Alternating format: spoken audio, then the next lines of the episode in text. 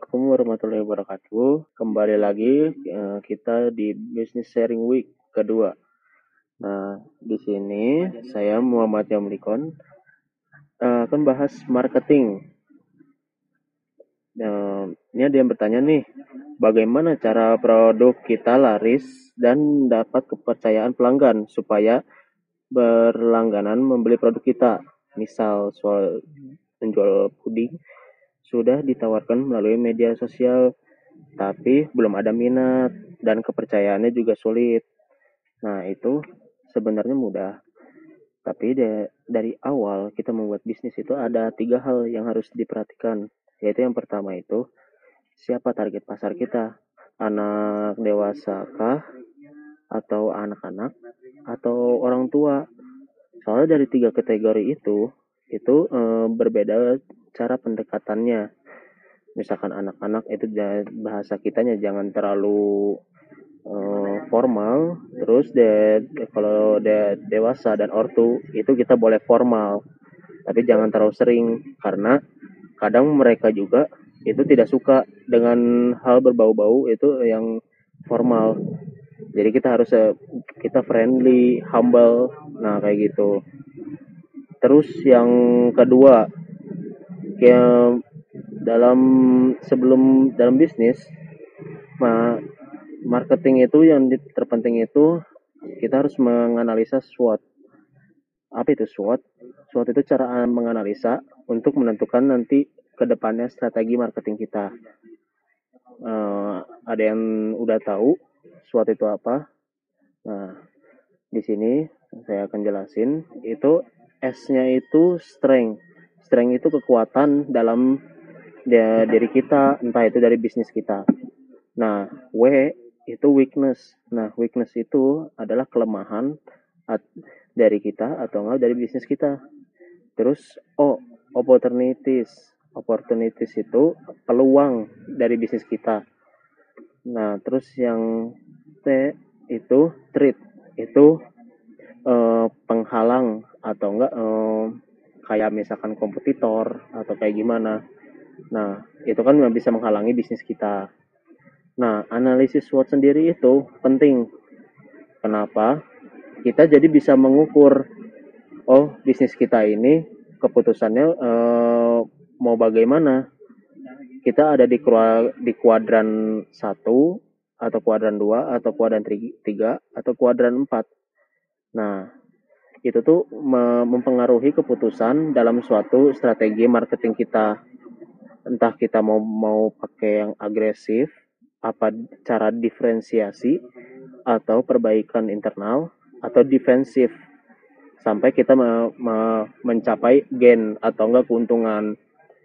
Nah, itu yang yang pertama analisis SWOT. Nah, selain analisis SWOT, kita perhatikan juga 5P 5P itu apa aja? Yang pertama, itu produk. Nah, produk kita yang mau dipasarkan itu harus sesuai dengan kebutuhan di pasar. Misal, oh ada ibu-ibu uh, pengen um, pengen puding, tapi peng, pengennya yang simple, yang mudah dibawa.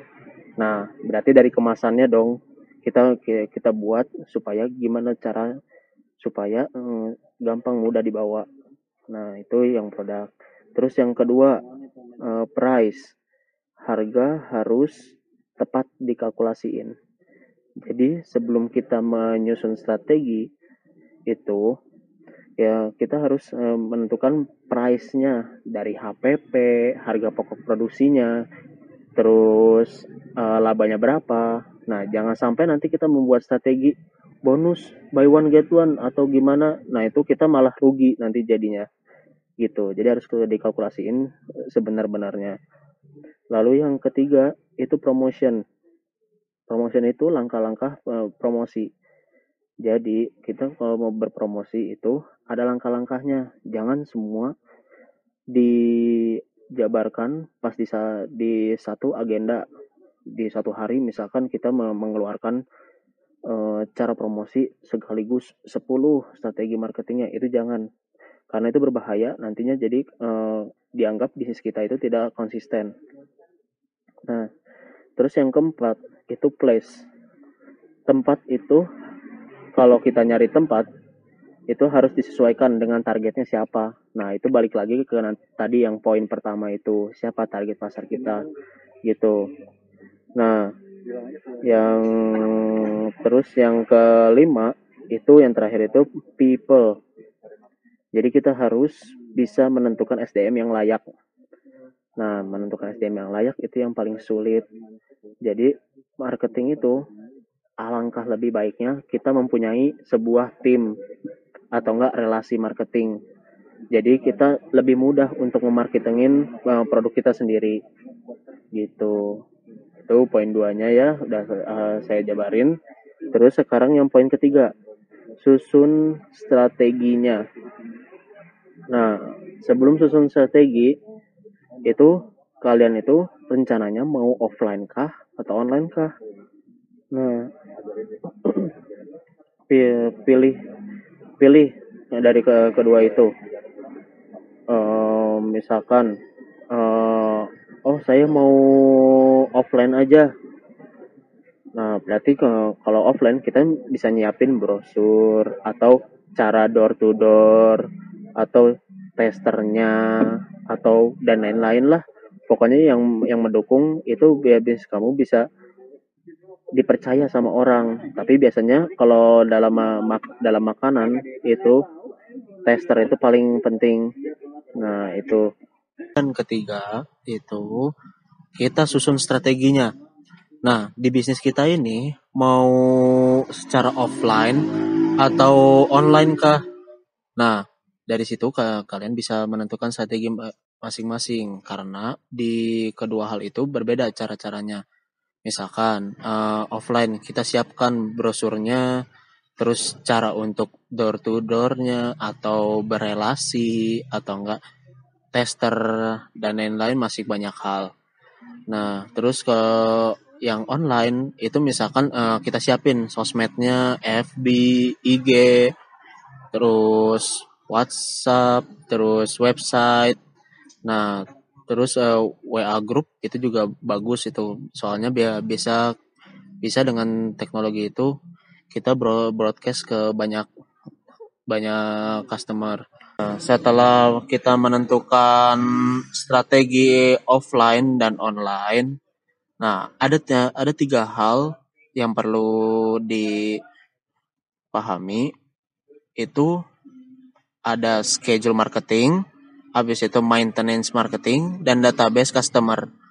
Nah, tiga hal ini yang membuat kita, uh, produk kita itu repeat order, terus mendapat trust dari customer, dan orang itu semakin yakin dan bakal dia bakal luas juga bisnis kita berkembang pesat. Nah, ini kita bahas satu-satu ya dari dimulai dari schedule marketing dulu.